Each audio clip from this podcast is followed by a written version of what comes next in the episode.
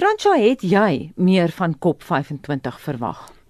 Ja, net ongelukkig was COP25 se uitsette 'n teleurstelling, veral gegee die feit dat ons leef in die tyd van die klimaatkrisis en as ons dink wat die afgelope jaar wêreldwyd gebeur het in terme van 'n groter bewustheid rakende globale verwarming en die toenemende impakte van klimaatsverandering as ons dink aan die grootskaalse internasionale jeugbeweging teen klimaatsverandering dan sou het ons baie baie meer ambisie verwag by hierdie conference of the parties by einkoms. So net om 'n perspektief te gee, kan ek miskien sê dat die Verenigde Nasies klimaatonderhandelinge ehm um, is altyd aan die gang, dis 'n kontinuerlike proses. Maar die hoogtepunt elke jaar is die Conference of the Parties by einkoms waar die jaar se onderhandelingswerk gekonsolideer moet word in stappe vorentoe in terme van die implementering van die Parys-ooreenkoms. So die grootste prestasie van die Conference of the Parties is die Parys-ooreenkoms wat werklik vir ons 'n kans gee om die mees gevaarlike impakte van klimaatsverandering te voorkom. Nou hierdie hierdie groot mylpaal is bereik in 2015, soos baie van die luisteraars sal weet. Maar sedertdien sien ons ongelukkig byna geen aksie om koolstofdioksied emissies die atmosfeer in te verminder nie. Hmm. Soos dit kom by die implementering van die Parys-ooreenkoms vorder dinge heeltemal heeltemal te stadig. Ek ek wil daarom een positiewe aspek uitwys. Die groot mylpaal in volgende jaar is die uh, volgende jaar word die Parys-ooreenkoms amptelik van krag. En wat belangrik is volgende jaar is dat al die nasies wat deel is van die Parys-ooreenkoms nuwe verbintenisse maak in terme van hoe hulle koolstofdioksied emissies gaan verminder. En hierdie Conference of the Parties byeenkoms het darm daardie ooreenkomste tussen lande bekragtig. So die lande het ooreengekom dat voor die volgende COP in Glasgow in Skotland volgende jaar hierdie tyd mm. moet alle lande nuwe verbintenisse formeel op die tafel sit. En ehm um, in die tweede plek dink ek ehm, 'n um, ander positiewe aspek van hierdie COP is dat ons 'n nuwe en sterker samewerking gesien het tussen sekere magsblokke in die in die onderhandelings. En dit is spesifiek die Europese Unie wat nou die leier is in terme van die stryd teen klimaatsverandering. En saam met die Europese Unie by hierdie kop het het gestaan die Afrika groep, die klein eilandstate. Ehm um, en en ook die meeste lande uit Suid-Amerika. So hier's 'n hier's 'n nuwe samewerking wat 'n baie positiewe aspek is wanneer ons kan oplet volgende jaar. Fransjo, jy het nou verwys uh, na die woord krisis. Jy het die woord krisis gebruik. Ek sien die Europese media, die gesaghebende media, ek praat nie van die poniepers nie. Hulle praat nou al geruime tyd van 'n klimaatskrisis. So is daai term verdedigbaar. Dis nie sensasioneel nie, is dit? Die die wetenskap sê ongelukkig vir ons dat ons leef in die tye van 'n klimaatkrisis. Ek kan miskien ook noem dat die Europese Parlement het pas 'n klimaatnoodtoestand geproklaameer. So hierdie bewustheid strek strek daarom ook al weier as die media. As ons dink dat die Europese Parlement so 'n kragdadige uitspraak gemaak het. So die wetenskap is al so 20 jaar lank baie duidelik dat klimaatsverandering direkte bedreigings vir ons inhou in terme van ons volhoubare voortbestaan op die planeet. En ongelukkig ten spyte van die wetenskap wat al goed bekend is vir so lank is daar tot nou toe bitter min aksie geneem om koolstofdioksied emissies die atmosfeer in te verminder. En om daardie rede het ons nou in 'n krisistydperk inbeweeg want ons hardloop nou uit tyd uit. Mm om gevaarlike klimaatsverandering te voorkom.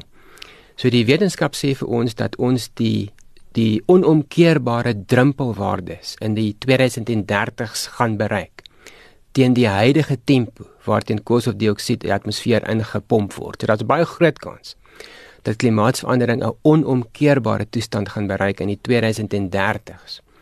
Ehm um, dit begin met die onomkeerbare smelting van die wêreld se yskappe maar as ook toenemende impakte wat wêreldwyd verwag word in terme van meestal droogtes en hittegolwe ook in ons streek. So omdat ons nou net so bietjie meer as 'n dekade oor het om koolstofdioksied emissies min of meer te halveer. Dis wat die wetenskap vir ons sê. Ons moet binne 10 jaar moet ons ons koolstofdioksied emissies halveer. En dit is bitter moeilik om dit reg te kry. As ons dit nie reg kry nie, betree ons die wêreld van gevaarlike en onomkeerbare klimaatsverandering. En dit is hoekom hoekom ons ons nou hierna verwys as die klimaatkrisis. Kom ons gaan terug na die ysmelting waarna jy verwys het. Die Britse Guardian gee baie aandag aan Groenland se ysmelting en gletsers het wêreldwyd van 2006 tot 2015 reeds 'n halwe meter dunner geword. Dis al dis die Suid-Afrikaanse media. Maar Groenland blyk tans die meeste kommer te wek. Hoekom? Daar is toenemende bewyse dat Groenland se yskap vinniger wegsmelt as wat verwag is. Ehm um, die nuutste studie gebaseer op die laaste 26 jaar se gesofistikeerde satellietwaarnemings van die yskap dui daaraan dat die yskap nou besig is om 7 keer so vinnig te smelt as in die 1990s. En dit beteken dat die interregeringspaneel oor klimaatsverandering se skattings van seevlakstygging miskien tot nou toe te konservatief was. So die skattings tot nou toe was min of meer vir 'n stygings van 50 cm tot 'n uh, meter aan die einde van die eeu. En nou is daar studies wat wat begin sê dat die stygings dalk soveel kan wees as 2 meter aan die einde van die eeu. Dit is nog steeds die meer ekstreme skatting moet ek hmm. daarom uitwys. Maar net om dit ook in perspektief te stel, die die afgelope somer het ons by tye temperature gesien van 20 grade Celsius aan groot gedeeltes van die Groenlandkus. By tye was die binnelandse temperatuur net omtrent so 0 grade Celsius. So hierdie was 'n geweldige warm jaar in die noordelike halfrond, die warmste somer in men, in menslike jeugenis in die noordelike halfrond en ons het gesien hoe die Groenland yskap daarop reageer. So net die Groenland yskap alleen kan in hierdie meer ekstreme skattings seevlakstygging van 15 tot 25 cm aan die einde van die eeu veroorsaak. Dis dan net die Groenland yskap alleen. En ehm um, dit klink dalk nie baie nie, maar elke 1 cm van seevlakstyging beteken min of meer dat 6 miljoen meer mense geraak gaan word deur vloedgebeurtenisse aan die kus. So ehm um, net om so 'n laaste opmerking daaroor te maak. Wêreldwyd lewe daaromtrent op die oomblik 250 miljoen mense laer as 1 meter bo die hoogwatergetymerk en en omtrent 1000 miljoen mense lewe minder as 10 meter onder die hoëgetymerk. So daar is letterlik honderde miljoene mense wêreldwyd wat toenemend geraak gaan word deur seevlakstygging en die gepaardgaande vloede wat wat plaasvind as seevlakke hoër is en wanneer groot weerstelsels of stormstelsels aan die laagliggende kusgebiede van die wêreld verby beweeg. Sê net vir my uh, die toenemende hitte beteken dat baie meer mense nou lugverkoelingseenhede gebruik. Die BBC het nou voorspel dat ons binne die volgende dekade 1 miljard meer lugverkoelingseenhede gaan sien. Maar daar is daar 'n bietjie goeie nuus op daai front. Ons het ook in hierdie afgelope somer in die noordelike halfrond het ons gesien weer eens die geweldige impak wat hittegolwe selfs kan hê in ontwikkelde lande soos die Wes-Europese lande. En daar is weer etlike duisende mense dood vanjaar in die Europese hittegolwe. Mm.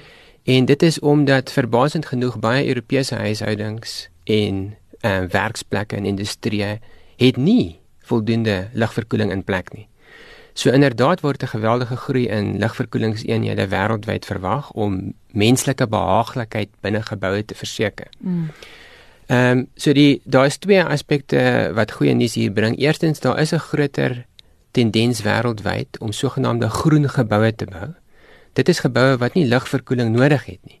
En tog kan hulle die lugtemperatuur so handhaaf dat dit nie te warm is in die somer nie en nie te koud is in die winter nie.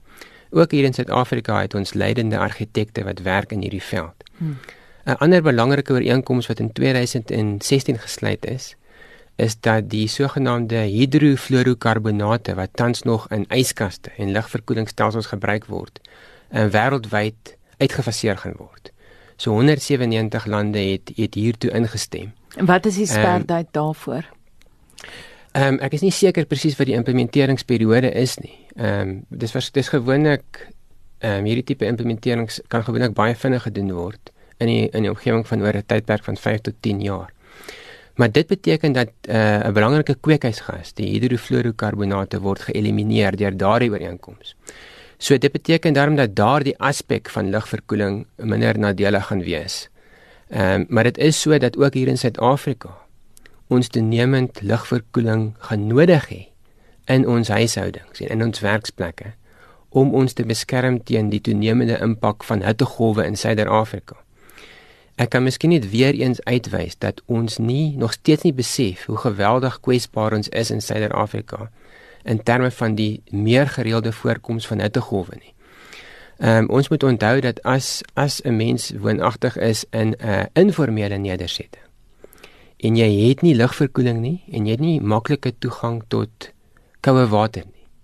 So dit is meestal natuurlik ehm um, hierdie situasie is meestal van natuurlik van toepassing op ouer mense. Mm.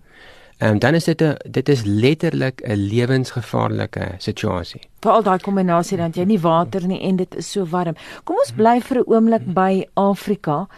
Wat Afrika betref, doen Ethiopië besondere goeie werk wat gronderosie, die herstel daarvan betref en hulle het nou 1.5 miljoen hektaar grond herwin deur hergroening met 'n baie goeie gevolg vir die klimaat. Ek het nou reg gekyk hoe praat die BBC met die wetenskaplike Sarah Wolde Begran.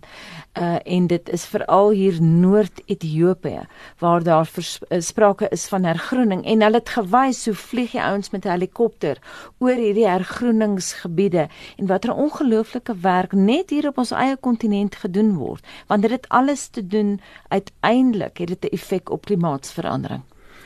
So een van die beste maniere wat ons het om klimaatsverandering te bekamp is natuurlik om die wêreld se landoppervlaktes beter te bestuur. En wat hier belangrik is is om verdere ontbossing so ver as moontlik te voorkom en daardie addisionele koolstofdioksied emissies die atmosfeer in te voorkom dat dit in die eerste plek plaasvind. En die tweede plek natuurlik is om groot gebiede van die wêreld waar die land landoppervlak gedegradeer is te probeer herstel. Deur weer die landskap te herstel in die natuurlike staat waar daar meer plante groei en bome is wat verder koolstofdioksied kan absorbeer. Dit moet natuurlik baie versigtig bestuur word sodat hierdie tipe stappe nooit ten koste is van byvoorbeeld voedselsekuriteit nie. So Afrika word soms geoormerk vir hierdie grootskaalse ehm um, wydverspreide ehm um, plant van meer bome, maar ons moet besef dat Afrika is ook nie die wêreld se se ehm um, se se reënwoud of se se bosgebied as ek dit so kan stel en die Afrikaners is natuurlik ook geregtig op ekonomiese aktiwiteite en spesifiek mm. die die gebruik van van landbougrond. Maar in Ethiopië is daar 'n grootskaalse projek om groot groot gedeeltes van gedegradeerde landoppervlaktes te herstel. Daar word geraam dat min of meer uh, 100 jaar terug was omtrent 33% van Ethiopië se oppervlak ehm um, het het het bosse het bosse opgehad en bome daarop gehad. Mm. Vandag is dit omtrent 5%. Mm. So deur hierdie groot ehm um, vergroeningsprojek het Ethiopië nou ehm um, 'n groot gedeelte van hierdie wel is besig om te neem en die die landoppervlakte herstel tot by die natuurlike staat. Dit beteken meer koolstofdioksied gaan word geabsorbeer. En daar is inderwaarheid 'n internasionale skema waardeur hulle vergoed word. So vir elke verdere ton koolstofdioksied wat nou geabsorbeer word, ehm um, deur hierdie ehm um, vergroeningsprojek vir vir ehm um, ontvang hulle ook finansiële kompensasie onder die meganismes wat geskep is onder die Parys-ooreenkoms. So dit is 'n 'n positiewe verhaal in die stryd van klimaatsverandering. Die Ethiopiërs maak ook alreeds beweringe dat hulle kan voordele sien in terme van meer reënval wat spruit uit die hoër hoeveelhede grondvog hmm. in die plantegroei in die in die in die vergoedingsgebied. Ehm uh, maar ek dink dit is nog te vroeg om te sê of so be, so bewering werklik gestaaf kan word deur die feite. Fransjo, ek weet jy ons moet na die volgende insetsel luister. Uh, dit gaan oor uh, Namibië se droogte en ek wil hê jy moet kommentaar daarop lewer. Een van Namibië se ergste droogtes in mense jeugennis duur voort. Die land se damme bly leer as 'n jaar gelede toe streng waterbeperkings in onder meer Windhoek ingestel is. Frikkie Wallis het vir ons meer daaroor. Volgens die jongste inligting wat deur Namewater verstrek is, het die land se damme gesamentlik tans gemiddeld 20% water teenoor 34% dieselfde tyd verlede jaar. Windhoek se damme is net 18% vol teenoor 24% verlede jaar en die damme in die suide het 23% water teenoor 43% laas jaar. Damme in die ooste het 8% water teenoor 4% verlede jaar. Gelukkig vir Windhoek is 'n groot deel van die inwoners weg met vakansie. Die Namibiese regering het sedert 'n uh, omvattende noodlendigingsprogram ingestel is reeds skenkings van meer as 180 miljoen rand van individue, maatskappye, internasionale organisasies en buitelandse regerings ontvang. Die inligting is gister deur die uitvoerende direkteur van die kantoor van die eerste minister, Ibn Nashandi, by 'n oorhandiging van kos aan honger Namibiërs in Kavango Wes in die noorde bekend gemaak. Hy het gesê dat die Amerikaanse Agentskap vir Internasionale Ontwikkeling 'n bykomende 15 miljoen dollar vir voedselbystand verleen het. Die noodleniging sluit nie net voedselhulp in vir mense nie, maar sal ook aangewend word vir boere vir se vee wat ernstig deur die droogte geraak is. Hoewel dit darm op plekke in die land begin reën het, sal die voedselhulp tot in Maart voortgesit word. Volgens die jongste inligting wat deur Namewater verstrek is, het die land se damme gesamentlik tans gemiddeld 20% minder water teenoor verlede jaar. Berigte van goeie neerslag is wel ontvang en veral in die omvanggebied van die Kunene waar dit goed gereën het. Die watervlak van die rivier het aanmerklik gestyg en die modderwater het maandag die monding vir die see bereik. Dit beteken dat goeie reën ook in die suide van Angola geval het wat goeie nuus is vir sommige Namibiese boere wat hulle vee oor die grens gejaag het op soek na beter veiding. Nou wat Frikkie Wallis daar sê, strook met alles François wat jy die afgelope tyd al op monitor sê. Kom ons kyk 'n bietjie na ons vooruits of klimaatsvooruitsigte vir sê eerstens die volgende 10 tot 30 jaar. Ja, net ek sou sê dat die enkele grootste risiko wat die Suid-Afrikaanse streek in die in die oë moet staar in terme van globale verwarming en klimaatsverandering is die meer gereelde voorkoms van droogtes wat vir meer as 1 jaar op beslag duur. So ons verwys dan na as multi-jaar droogtes. Dit is presies waarmee Suid-Afrika die kampe gehad het die laaste paar jaar. So oor die laaste ten minste 3 jaar was reënval onder normaal oor byna die hele streek, Zimbabwe, Botswana, Namibië en soos ons ook weet ook hier in Suid-Afrika. En die klimaatsverandering projeksies, die wetenskap is baie duidelik dat hierdie tipe droogtes al hoe meer gereeld in ons streek gaan voorkom soos wat die aarde al hoe warmer word. Dit is 'n bevinding van die interregeringspaneel oor klimaatsverandering wat reeds ehm um, terugdateer tot ten minste 2007. En gepaardgaande met die meer gereelde droogtes kom natuurlik ook meer gereelde hittegolwe. Ons streek is van nature droog en warm. Nou maak ons hierdie streek geleidelik droër en ook drasties warmer. Die temperature is besig om oor ons streek te styg min of meer 2 keer so vinnig as die wêreldwye gemiddelde toename in temperatuur. So hierdie gepaardgaande afname in reënval met hoë temperature maak ons geweldig kwesbaar vir toenemende klimaatsverandering. Hoekom styg die temperature in Afrika meer as elders ter wêreld? Dit gaan oor ons ligging in Suider-Afrika in die subtropiese gedeeltes van die wêreld. Die subtrope is die eintlik die enigste klimaatstreek van die wêreld wat geprojekteer word om geleidelik al hoe droër te word. En dit dit mens kan die klimaatwetenskap daar agter baie baie maklik verklaar. Dit gaan maar daaroor dat as die wêreld se tropiese gebiede warmer word, dan styg daar meer lug in die trope en die lug wat daar styg vanweer die rotasie van die aarde kom daal in die subtrope en daar in die lug wat meer gereeld oor ons voorkom soos wat die trope warmer word, beteken dat wolkvorming geleidelik al hoe meer onderdruk word oor ons streek. Frans, ons het nou heelwat gepraat oor die probleme in Afrika, maar ons het nie verwys na hoeveel mense ly nou honger weens die voortsleepende droogtes wat jy sê deel van ons weerpatrone gaan word oor die volgende 30 jaar. Ons kyk op die oomblik na 45 miljoen mense wat honger ly. Monitor het so week of wat gelede gefokus spesifiek op Zimbabweërs, maar ons het nou vanoggend ook gehoor erge droogte in Namibië.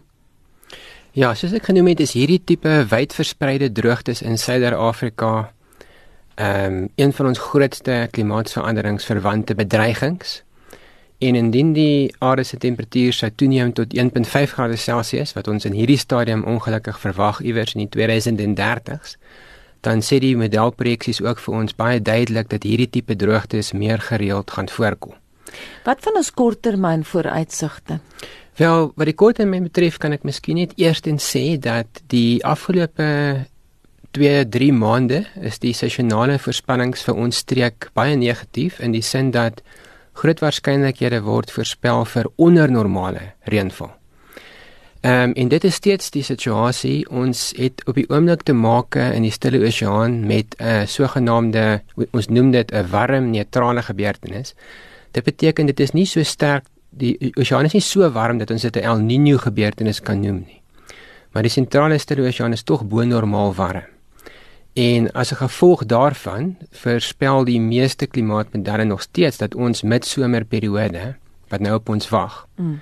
eerder gepaard gaan gaan met ondernormale reën as bo-normale reënval. Nou ons het natuurlik 'n baie goeie reënval gebeurtenis gehad die eerste 2 weke van Desember. Mm. Ek kan miskien net eers noem dat ons het hierdie seisoen gesien dat die reënval baie laat gekom het. Die die reënval was min of meer 'n maand laat oor die somerreënval gebied. Ons het eers so mid-November goeie reëns begin kry waar dit eintlik so mid-Oktober moet wees. Dit het alreeds die Suid-Afrikaanse boere onder druk gesit reg oor die streek. Maar ons het nou 'n goeie reënval gebeurtenis gehad. Dit is veroorsaak deur die so 'n weerstelsel wat ons noem die Angola laagdrukstelsel. Dit is 'n tropiese laagdrukstelsel wat suidwaarts beweeg het en wydverspreide reën gebring het na dele van Noord-Namibië en dan meestal Suid-Botswana en dele van suidelike Zimbabwe en dan dele van Suid-Afrika. Ons het daai groot reënval gebeurtenis gehad by Appington en dan oosvaart het die reënval gestrek tot in die Limpopo provinsie. Ek moet egter dadelik uitwys, daar's dele van Suid-Afrika waar die droogte toestand steeds op hierdie oomblik absoluut kritiek is. Dis byna die hele Oos-Kaap is nog steeds baie droog. Die Oos-Kaap het bitter min reën gekry uit hierdie weerstelsel en ook groot gedeeltes van die Noord-Kaap het nog steeds nie goeie reën gekry nie. So wat die huidige droogte toestand betref in Zimbabwe, Namibië, Botswana en die gepaardgaande hongernood wat bestaan in hierdie lande, is dit baie belangrik om te sien wat gaan gebeur in die res van Desember, Januarie en Februarie. So as ons verdere wydverspreide en goeie reënval kry, ten spyte van die seisonale voorspellings wat sê die waarskynlikheid daarvoor is nie goed nie, dan kan dan dan ten minste 'n mate van verligting kom in hierdie lande, maar as die voorspellings reg gaan wees mm. en dis nog 'n somer van ondernormale reën, dan gaan hierdie geweldige droogte en sy impakte net voortsleep. Ons praat ver oggend oor eh, die beperking van kweekhuisgasse. Kom ons kyk 'n bietjie na alternatiewe kragbronne. Denemarke, Finland, eh, Skandinawië is baie goed daarmee, maar ek verstaan die Dene het al in 1991 hulle eerste windplaas begin. Hoe staan sake nou in Suid-Afrika? Ja, in Suid-Afrika sien het ons ook ons het baie goeie groei gesien in die hernubare sektor in terme van energieopwekking. En nie nasien by soveel as wat ons graag sou wou gesien het nie, maar waar ons vandag hier in die ateljee sit, dit is Suid-Afrika nou omtrent op So byna 9% van Suid-Afrika se energie word op die oomblik opgewek deur middel van windplase en sonplase. So ons ons het in ons land op die oomblik 'n opwekkingskapasiteit van net so oor die 50000 megawatts. En daarvan is net so onder die 5000 megawatts is kom uit die hernubare forme van energie. En dit gaan toeneem hopelik. Ehm um, die verwagting is volgens ons nasionale hulpbronplan dat dit teen 2030 4 tot 5voudig moet toeneem. So dis 'n positiewe groei, maar ek, ek het ons die vermoë dat dit daai teiken kan haal teen 2030. Ehm um, ek dink ons het beslis die ingenieurs vermoë en ons het al die natuurlike klimaatomstandighede wat ons bevoordeel. Ons is geweldig gunstig in terme van die opwekking van sonenergie ons klimaat. En in die suidelike gedeeltes van die land het ons ook 'n baie hoë windpotensiaal. Ons kan dit doen. Uh, die probleem wat ek wil uitwys is dat dit dit help nie die klimaatsveranderingsprobleem as die hernubare energieopwekking toeneem, maar die koolstofdioksiedvrystellings neem nie af nie. Ah. So ons moet ook 'n duidelike plan hê hoe ons ons koolstofdioksiedemissies van ons steenkoolkragsentrale in die eerste plek ehm um, gaan verminder. Maar het ons die politieke wil? Ons het nou al baie gepraat. Die Suid-Afrikaanse media fokus verskriklik baie op 'n amper 'n soort van 'n negativiteit van die Suid-Afrikaanse regering se kant af oor alternatiewe bronne van energie. Ek sou sê daar's 'n daar's 'n daar's positiewe aspekte en daar's negatiewe aspekte. Ehm um, as ons eerstens kyk na wat Suid-Afrika voorgelê het aan die Verenigde Nasies se beraad oor klimaataksie wat in September plaasgevind het, dan is dit ongelooflik positief. So president Ram Ramaphosa se amptelike voorlegging het 'n het 'n het 'n multibiljoen rand plan gehad om ons spesifiek ons steenkoolkragsentrale geleidelik te vervang met hernubare forme van energie. So ook in die klimaatsveranderingsonderhandeling staan Suid-Afrika baie sterk en maak al die regte geleide in terme van 'n baie ambisieuse vermindering van ons koolstofdioksied emissies. Ehm um, waar ons tekort skiet is 'n uh, aksieplan. Ehm um, ons ons het geen duidelike aksieplan van hoe ons ons emissies komende van Eskom en Sasol ehm um, geleidelik gaan verminder nie. So niemand niemand sê ook of geen regdenkende mens sê dat hierdie dat ons steenkoolkragsentrale oornag gesluit moet word nie. Maar dan moet 'n aksieplan wees so Suid-Afrika oor 'n periode van vele dekades kan bydra tot die wêreld se doelwit om teen 2050 koolstofdioksied neutraal te wees. Mm. So op die oomblik het ons geen aksieplan. Uh geen duidelike riglyne hoe ons dit gaan regkry nie. En dit is dit is 'n baie baie groot probleem. Kom ons kyk na ander lande in die ontwikkelende wêreld. Die BBC verwys na Climate Defenders en dit noudig uh, berig oor baie goeie werk wat gedoen word byvoorbeeld in Indië. Ek dink reg oor die wêreld is daar baie meer drukgroepe en daar's baie nie-regeringsorganisasies en daar's natuurlik ook sekere lande se regerings wat toenemend besef dat onmiddellike aksie nodig is om klimaatsverandering te bekamp. Uh miskien die mees belangrikste ontwikkeling is die geweldige groei in die hernubare energie sektor in lande soos Indië en China wat wat besig is om die wêreldleiers te word in terme van die implementering van hierdie tegnologie. Ehm um, maar daar's altyd ook ongelukkig ehm um, 'n skadu wat hang selfs oor die pogings in Indië en China want nou by die onlangse COP25 was Indië en China ook weer van die lande wat weerstand gebied het teen meer ambisieuse onmiddellike verbintenisse in terme van die vermindering van koolstofdioksiedvrystellings. So dit kanselleer mekaar uit. Ja, die punt is dit help nie as die hernubare sektor groei, maar die koolstofdioksied emissies hou ook aan om te groei nie. Ons moet die koolstofdioksied emissies verminder sodat al hoe groter persentasie van ons energie opgewek word deur die hernubare forme van energie. Net 'n vinnige antwoord François van Climate Defenders gepraat. Greta Thunberg is aangewys as Time se vrou van die jaar. Hoeveel waarde het daai soort gebaar in die stryd teen klimaatsverandering? Ek ek dink dit is een van die mees positiewe ontwikkelings van wat ons vanjaar gesien het was die wêreldwye jeugbeweging in die stryd van klimaatsverandering. Ehm um, en en Greta het natuurlik die die gesig geword van die beweging wêreldwyd. En ek dink dit is dit is baie regverdig dat sy hierdie toekenning gekry het. Sy was immers 'n baie groot nuusmaker. Mm. Ehm um, en die belangrike die belangrike aspek hiervan is dat ons ook in Suid-Afrika en ook reg oor die ontwikkelende wêreld 'n baie baie meer aktiewe jeugbeweging sien in terme van die stryd teen klimaatsverandering. Want jong mense is natuurlik baie goed ingelig deesdae en hulle besef baie goed dat hulle eie lewens oor die volgende 60 tot 80 jaar as jy vandag 'n 20-jarige is, direk benadeel gaan word deur die toenemende impakte van klimaatsverandering. So ek kan miskien maar net ook noem dat ook hier in Suid-Afrika het ons in September rondom die Verenigde Nasies se aksieberaad teen klimaatsverandering grootskaalse protesaksies ook gesien in Suid-Afrika. En ehm um, studente van die universiteit van uh, Witwatersrand het byvoorbeeld baie aktief deelgeneem aan hierdie protesaksies en het byvoorbeeld 'n menslike ketting gevorm rondom Sasol se gebou in mm. in Sandton. Mm. So ek ek sien net wenig dat dit die beste manier is om aksie te neem nie, maar ek dink dit is baie positief dat ook die Suid-Afrikaanse jeug al hoe meer bewus is dat ons moet aksie neem in Suid-Afrika om die negatiewe effekte van besoedeling van ons kragsentrale en ook die ons bydra tot klimaatsverandering te te bekamp. Frans net 'n laaste vraag. Ons het vlugtig hierna verwys net voor voor half 8, maar vir luisteraars wat dit gemis het, Glasgow COP26 is uiters belangrik. Verduidelik net vinnig weer vir ons hoekom.